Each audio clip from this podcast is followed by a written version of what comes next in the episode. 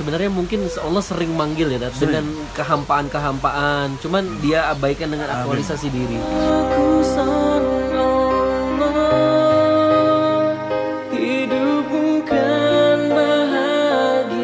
Ya baik, Assalamualaikum warahmatullahi wabarakatuh kawan-kawan semua. Jadi sore ini saya kemarin habis ngisi private class PPA Subang Di wilayah areanya Ustadz saya, Ustadz Mukhtar Fatani Yang Alhamdulillah hari ini diajak sama beliau, sama Ustadz Hambali. Kalau Ustadz Hambali nih yang punya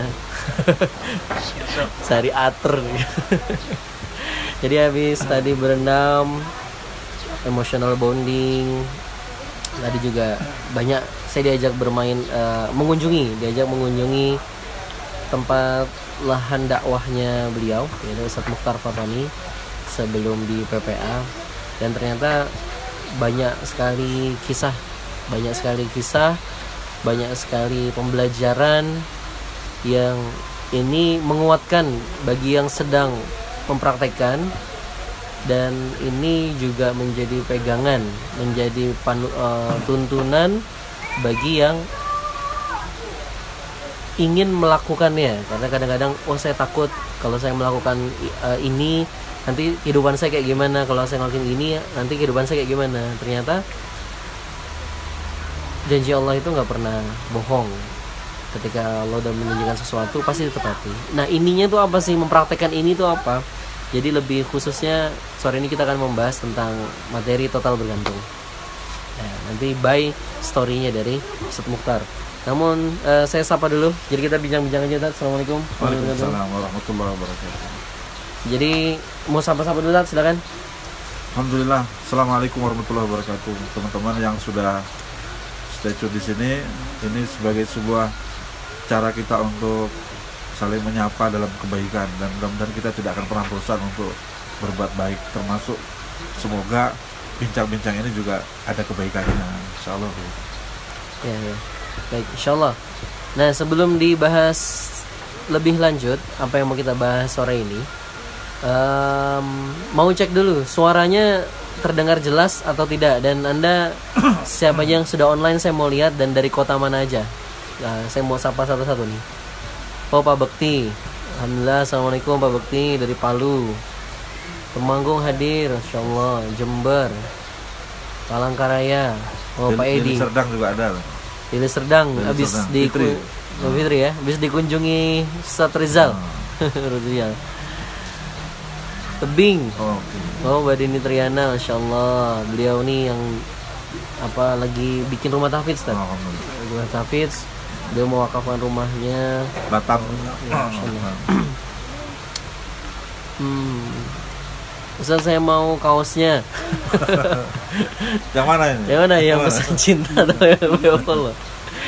Ya nanti insya Allah akan di eh, Medan. segera hadirkan lah ya untuk bawa kaosnya. Sidoarjo. Sidoarjo Mbak Ruli. Suara jelas sama Banyuwangi. Apa ya suaranya bisa eh, lam- sensitif ya. Ya, karena lah, sebagai as info di belakang kita nih ada air terjun kecil-kecil backsound. Tadi kita berpikir wah ini takutnya nggak masuk suaranya, ternyata masuk ya. Tuh Deli Serdang, Indramayu, Surabaya, ya, Insya Allah. Banjarmasin, oh Insya Allah banyak ya yang nyimak. Simak sambil share ya kawan-kawan ya. Anda menyimak sambil bantu share agar banyak yang uh, mendapatkan hikmah pembelajaran. Karena uh, bukan berle- bukan melebih-lebihkan, tapi setiap beliau guru saya ini ngomong, ini masya Allah saya selalu menjadi pegangan dan selalu ada materi baru di PPA. Contoh, ketika beliau waktu itu bilang, Mas, kalau ini amanah dari Allah, nanti Allah sendiri akan memampukan. Maka hadir materinya. Jadi kalau difasilitasi sama Allah. Banyak sekali, banyak sekali. Total bergantungnya beliau, ketawaduannya beliau. Nanti kita akan bincang-bincang deh ya. Sudah siap ini semuanya? Oh, tegal, tegal. Siap, siap, siap, siap. Oke, kalau begitu Bismillah kita mulai ya. Saya mulai dengan sapa lagi. Assalamualaikum warahmatullahi wabarakatuh. Alhamdulillahirrahmanirrahim. Allahumma sholli ala sayyidina Muhammad wa ala ali Muhammad. Rabbi israh li sadri wa yassir li amri wa 'uqdatam min lisani yafqahu.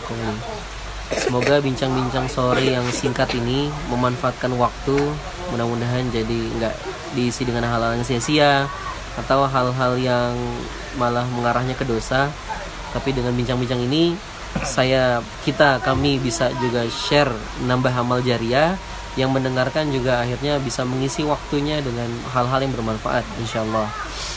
Jadi yang belum tahu apa yang mau kita bahas sore ini adalah tentang perjalanan beliau.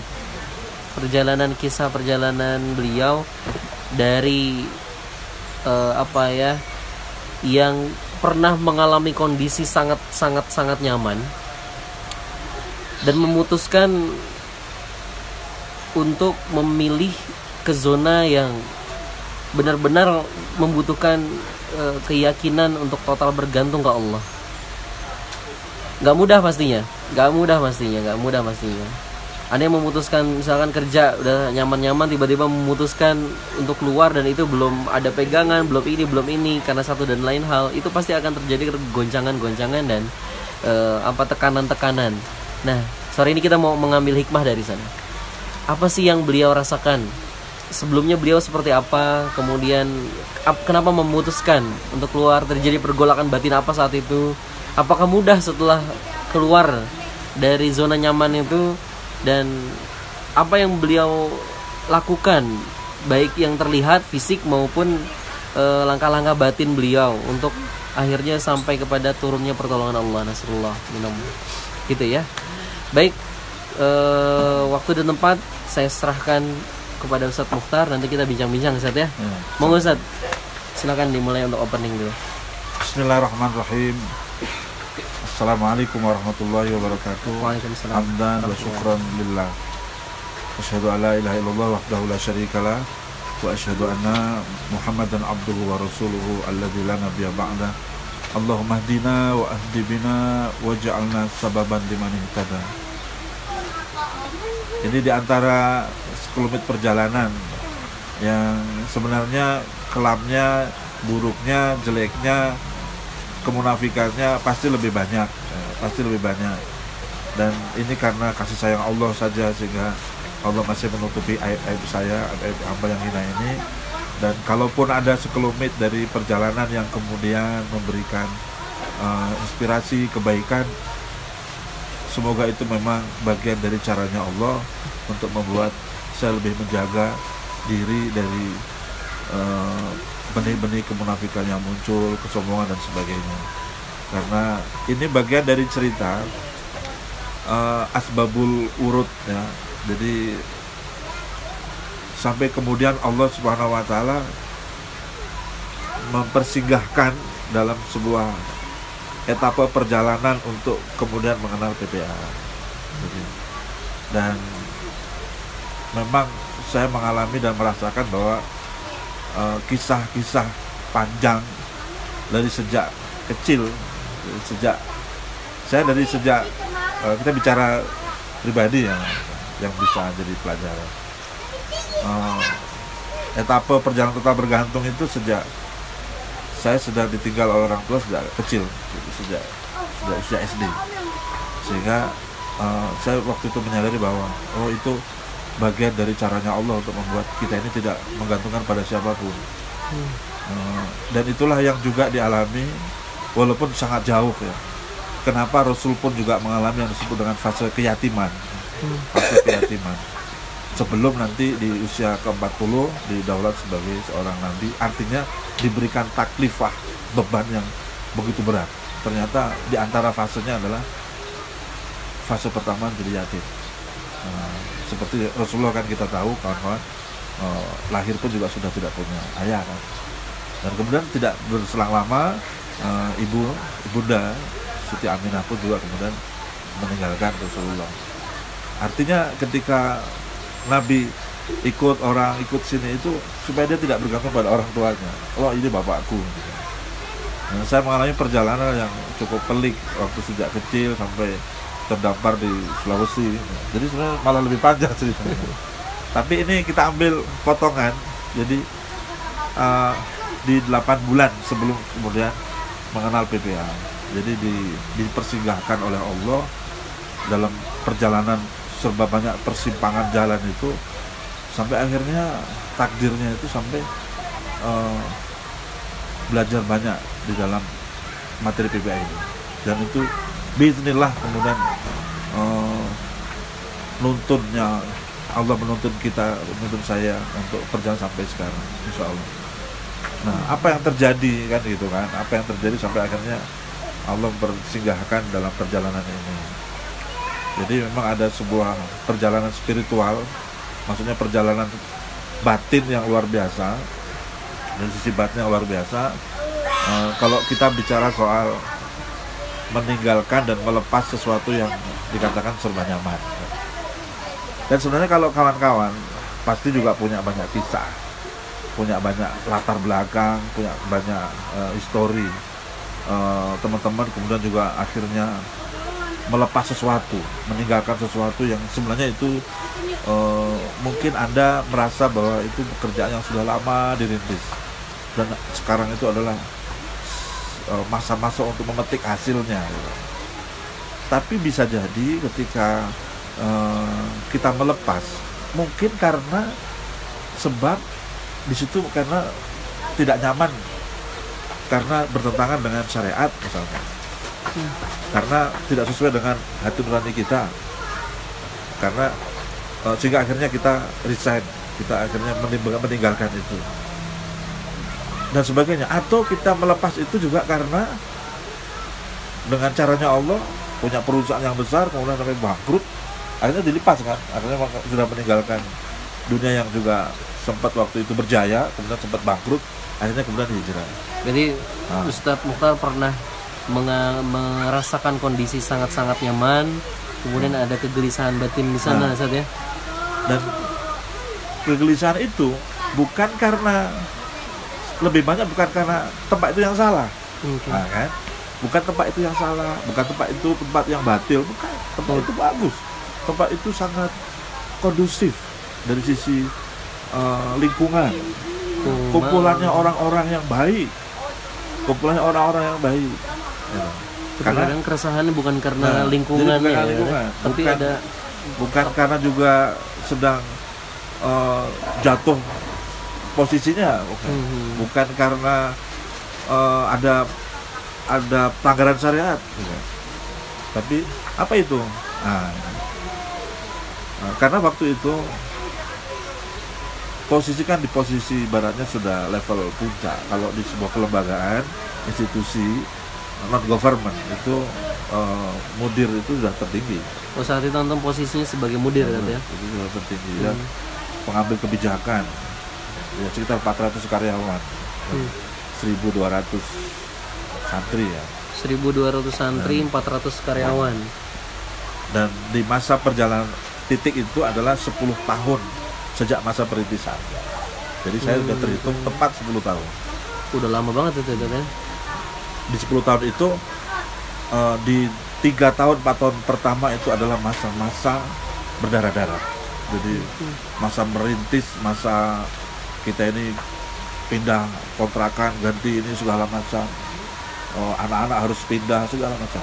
Itu luar biasa. Masa-masa berdarah-darah, merintis ibaratnya 24 jam kita harus uh, merintis uh, memikirkan lembaga ini mungkin di etapa karena itu dari 2003 sampai kemudian 2006 merintis lagi lembaga pendidikan dan 2011 mungkin sudah mulai sudah mulai uh, di sisi kenyamanan. Hmm.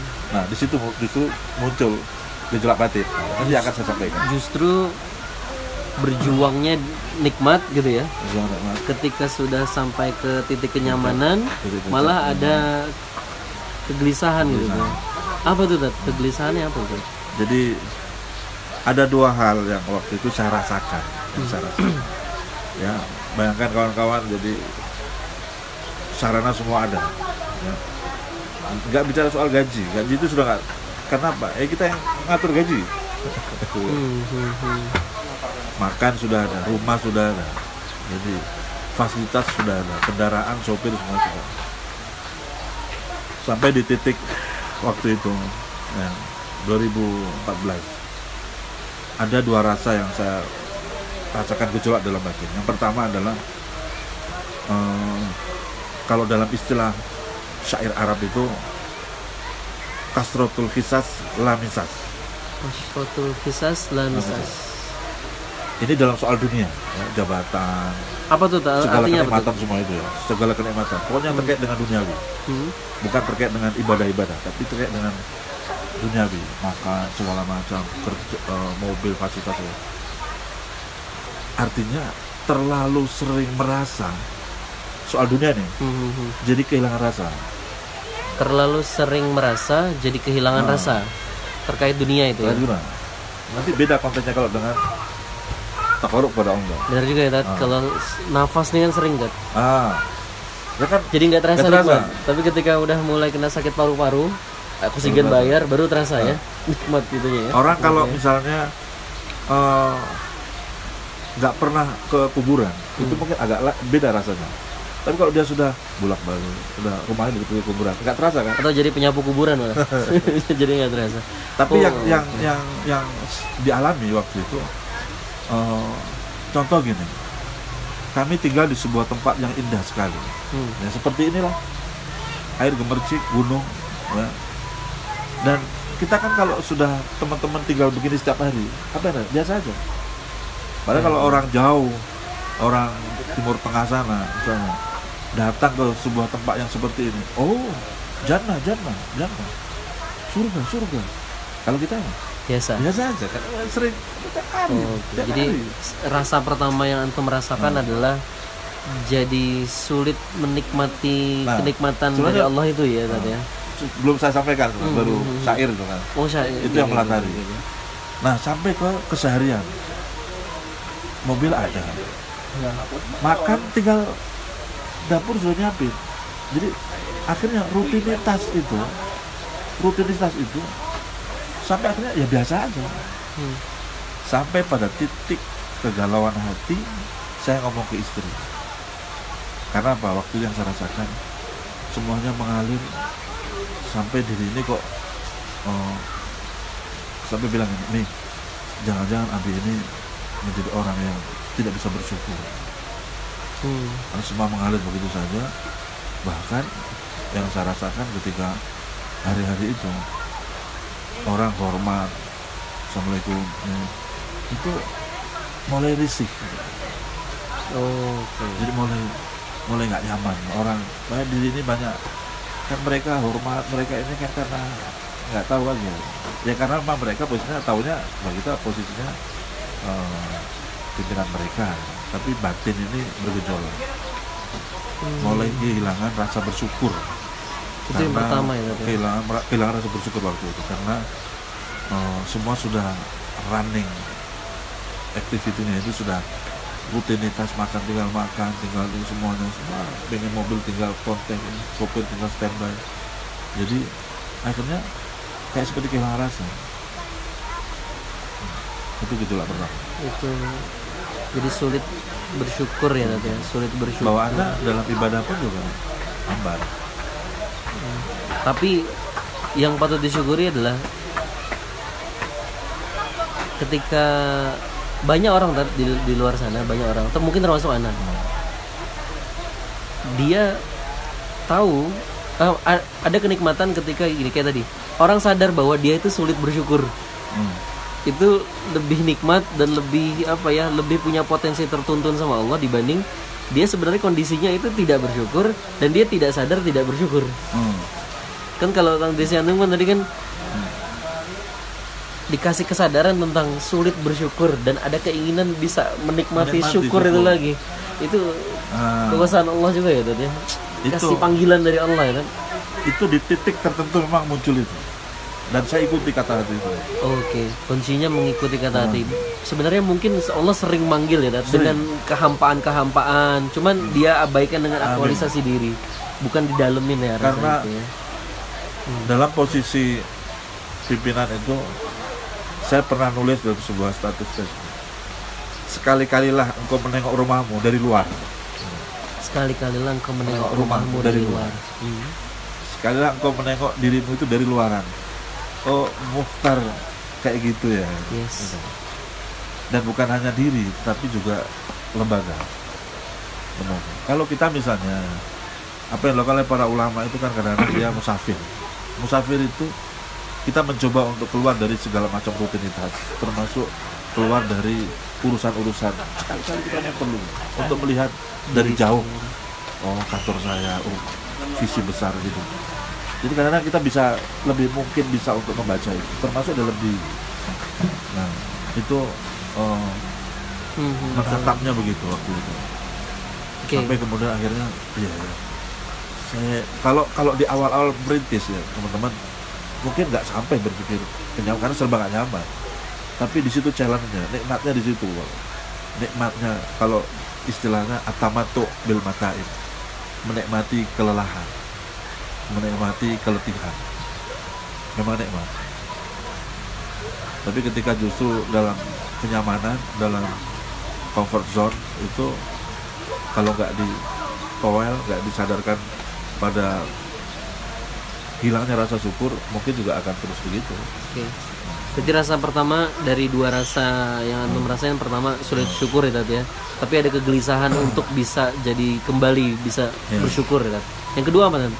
Apa? Dalam kenyamanan ada kegelisahan apa yang kedua? waktu itu akhirnya putusannya adalah saya nggak akan bisa lama-lama di sini gitu memang dikuatkan dengan pandangan yang kedua Eh, pandangan yang kedua Kegelisahan itu- kedua nih. kegelisahan yang kedua adalah di dalam sebuah kemapanan itu orang kan nyaman hmm. orang dengan posisinya masing-masing dengan fasilitasnya masing-masing kemudian akhirnya dia berpikir begini saya kalau nggak di sini di mana lagi? Kalau nggak kerja di sini di mana lagi kira-kira? Karena tempat ini sudah sangat menguntungkan buat saya.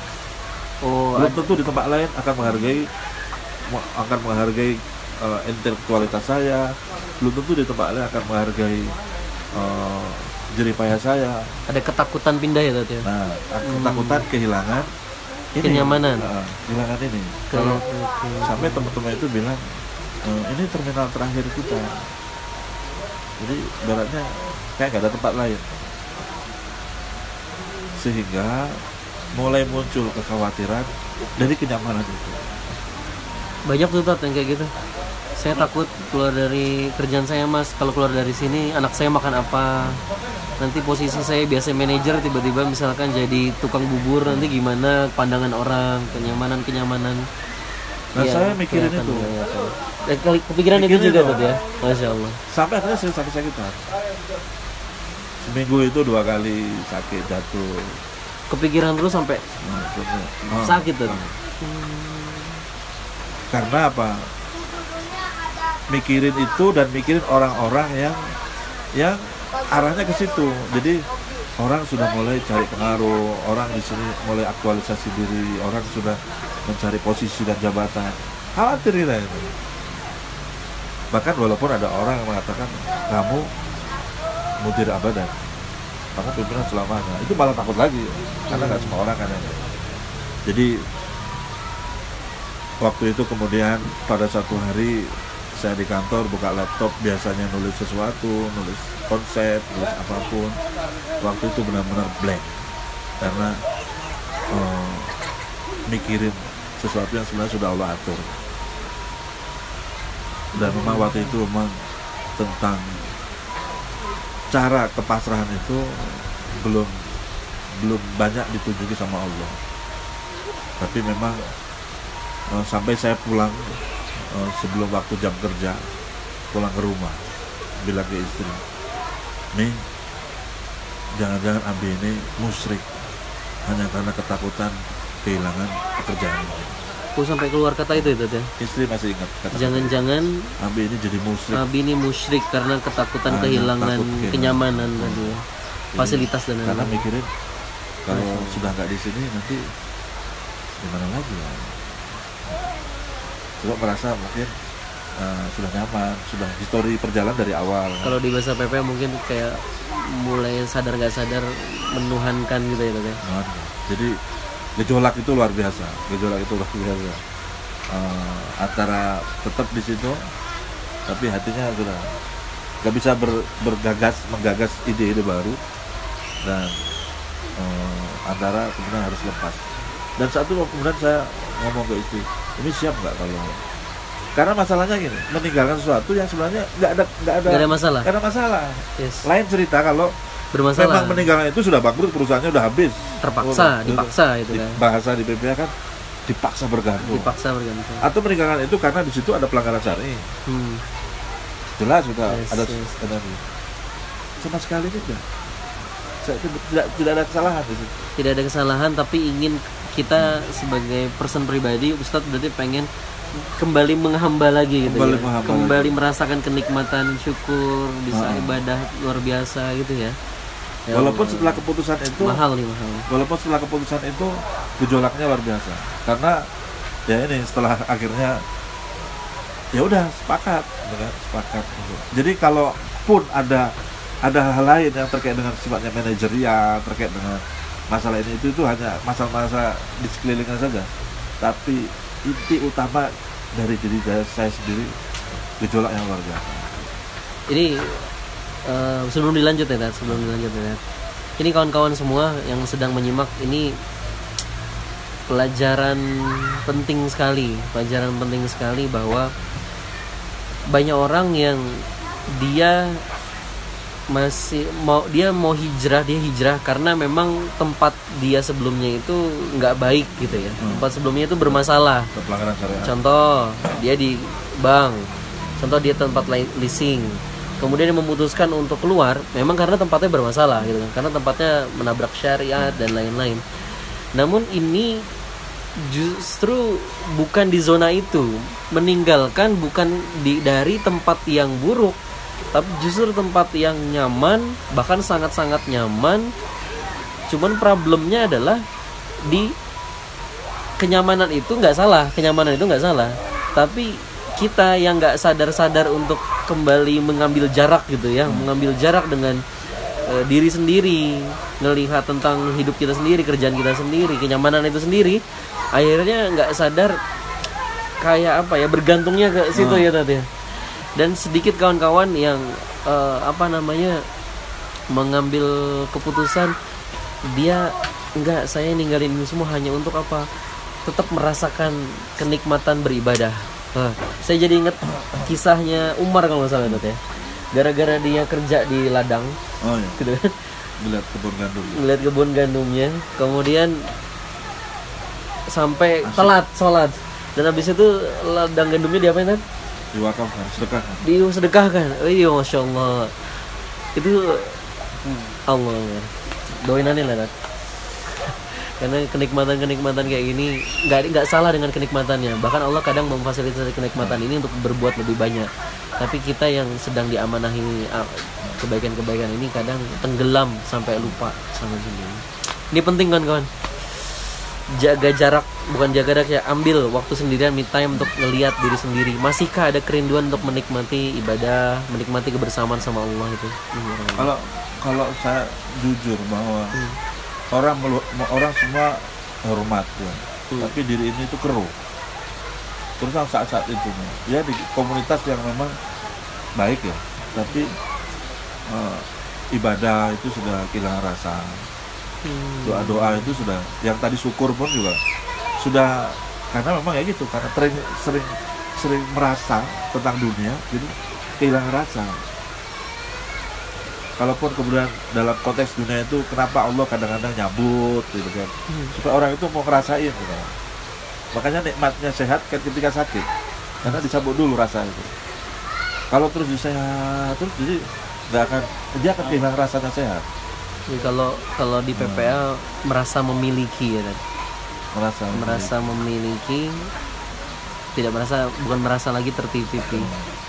Oke Tad Masya Allah ada dua tadi ya. Jadi susah bersyukur. Yang kedua adalah merasa eh, takut khawatir kalau meninggalkan ini nanti nasibnya seperti apa. Padahal tempatnya nggak salah. Tapi itulah para pecinta itulah para pejalan itulah yang sedang mencari jalan ke Allah. Dia ingin yang ke- takut kehilangan bukan dunianya tapi takut kehilangan kemesraan sama Allah. Itu sebenarnya nah Monggo Ustaz, dilanjut.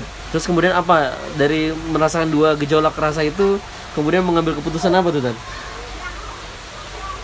bocorannya ya sampai keputusan itu kemudian diambil saya pernah pernah cerita di beberapa kelas saya masih ingat di Pekalongan Kalongan. sama Mas Reddy pertama saya Hmm. akhirnya saya punya hikmah eh, dengan perjalanan yang belum saya ceritakan yang 8 bulan itu ya. Saya kehilangan kehilangan kehilangan jabatan kehilangan eh, penghormatan Berarti kehilangan- memutuskan keluar kan? itu akhirnya memutuskan keluar. Oh, dan keputusan itu begitu cepat. Dan membuat sekian orang kaget. Nggak nyangka.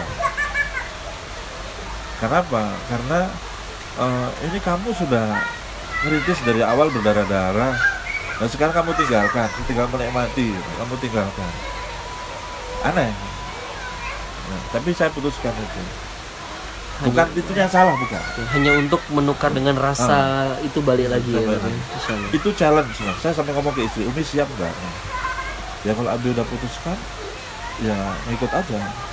Saya nggak tahu nanti setelah ini saya ke mana. Saya makan di mana. Oh, berarti belum punya prepare prepare kan? nah, karena itu semua eh, apa ya eh, Sudah kerinduannya memuncak sehingga nggak bisa nunggu lebih lama nih. Ayo sekarang nih, masya Allah. dan apa namanya waktu itu saya tahun ke 10 ya di lembaga Mhm. dan selama 10 tahun itu 10 tahun itu mungkin bisa dikatakan kali 24 jam jadi full mikirin lembaga sampai nggak mikirin bab pribadi kalau pikir misalnya mungkin sampai sempat nabung beli tanah buat rumah punya tabungan enggak sama sekali. full Ya, alhamdulillah punya istri dan anak kan Hmm. itu pun baru saya sadari ketika su- sudah memutuskan keluar Mhm.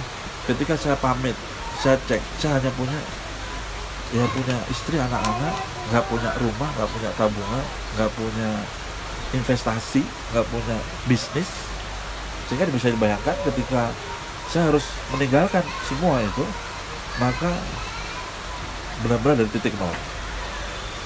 Dan itulah eh, saya merasakan keterhilangan yang luar biasa keterhilangan dunia yang kemudian setelah perjalanan sekian lama saya di, di Pekalongan itu pernah mengatakan nikmati keterhilangan itu Nikmati keterhilangan itu. nikmati keterhilangan itu akhir-akhir ini setelah saya di situ itu saya baru mengatakan nikmati keterhilangan itu selama kita tidak kehilangan Allah yang hilang-hilang itu akan balik lagi Nikmati dan Allah sekarang membuktikan sekarang Jadi yang dinikmati itu inti dari kehilangannya dunia tapi bisa merasakan balik ya kenikmatan ngobrol sama Allah bergantung Hmm. sama Allahnya connect sama itu pun Allah. juga tersimpulkan setelah perjalanan sekarang Oke. Karena waktu itu nggak ingin kehilangan Allah. Tapi saya juga waktu itu nggak tahu apakah diganti atau enggak Hmm. Cuma memang benar-benar gak ingin kehilangan engkau ya Allah. Gak ingin kehilangan kekhusyuan dalam ibadah ya Allah. Dan saya gak ingin semua posisi semua ini mengganggu dengan engkau. Bahkan semua posisi membuat saya jadi munafik Jadi banyak banyak dosa Jadi hanya mikir tentang dunia dan sebagainya. Hilang rasa syukur Ketakutan kehilangan pekerjaan. Sampai kapan ya Rob? Apakah harus kemudian saya lepas segala kenyamanan ini yang pada akhirnya membuat hamba bisa merasakan kembali ke engkau seperti terhijab saat itu Tat. gereja. Hmm. Padahal itu tempat yang baru. baik tempat yang baik Maka saya memutuskan pamit itu banyak yang terdengar, banyak yang- banyak yang nggak nyangka, termasuk yang saya anggap orang tua sendiri. Saya pamit, mohon izin. Sampai kamu ke mana? Ya, insya Allah saya tetap menjadi dai ilah Allah. Tetap di Subang dan mencoba untuk merintis dakwah lagi, merintis lagi. Terus di mana tinggal? Saya nggak tahu nanti. Tapi memang Ya.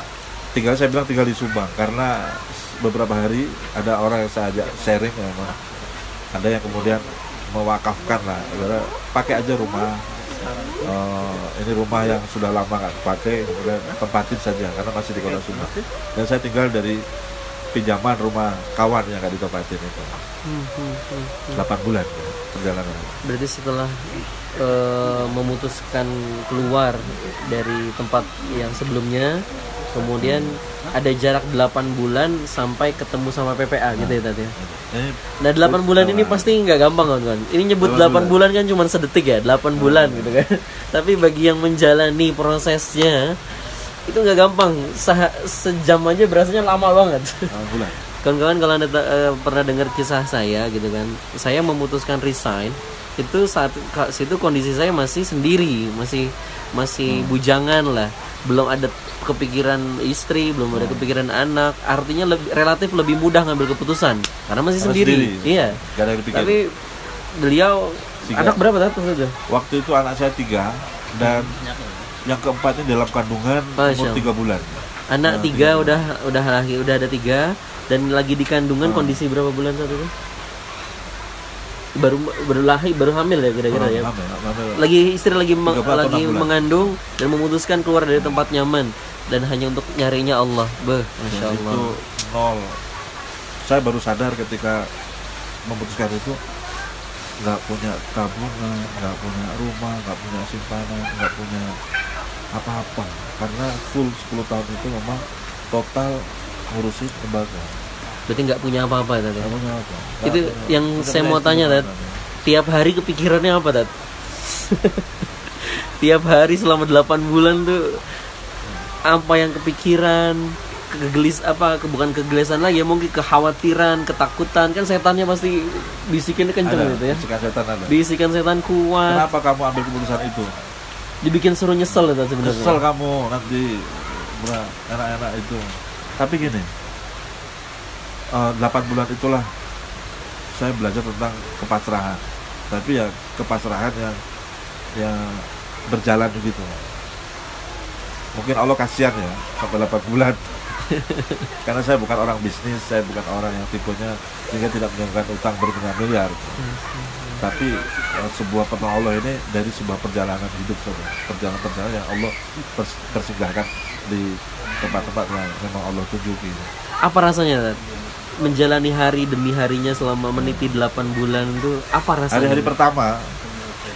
Hari-hari pertama itu karena biasa ya kalau pagi saya pakai sepatu ya mandi pakai segala segala macam pakai sepatu terus keluar kan. terus ke Ke kantor kantor, kan? ke kantor. Biasanya seperti itu? Nah, Nah, dan terus? itu saya lakukan oh, Jadi, sama. sama. Keluarnya tapi ke mana tuh Tat? udah jalan aja. Kota jadi itu berhari-hari jadi saya pakai sepatu pakai ini terus jalan di kota Subang. Jalan. Karena karena motor karena semua inventaris yang melingkupi saya dalam bekerja dari kendaraan rumah HP HP istri juga inventaris semua harus kembali. Sehingga memang nggak ada apa-apa komunikasi itu juga nggak bisa. Itu hari-hari pertama ya. Jadi dia pakai sepatu pakai baju jalan daerah coklat ya. karena di BTNC lihat ya. jalan nah, ke depan. pulang. Aku stres Bu, kalau kalau. Tapi di situ saya mentafakur terus. Dan ada saja rezeki. Itu yang ada rezeki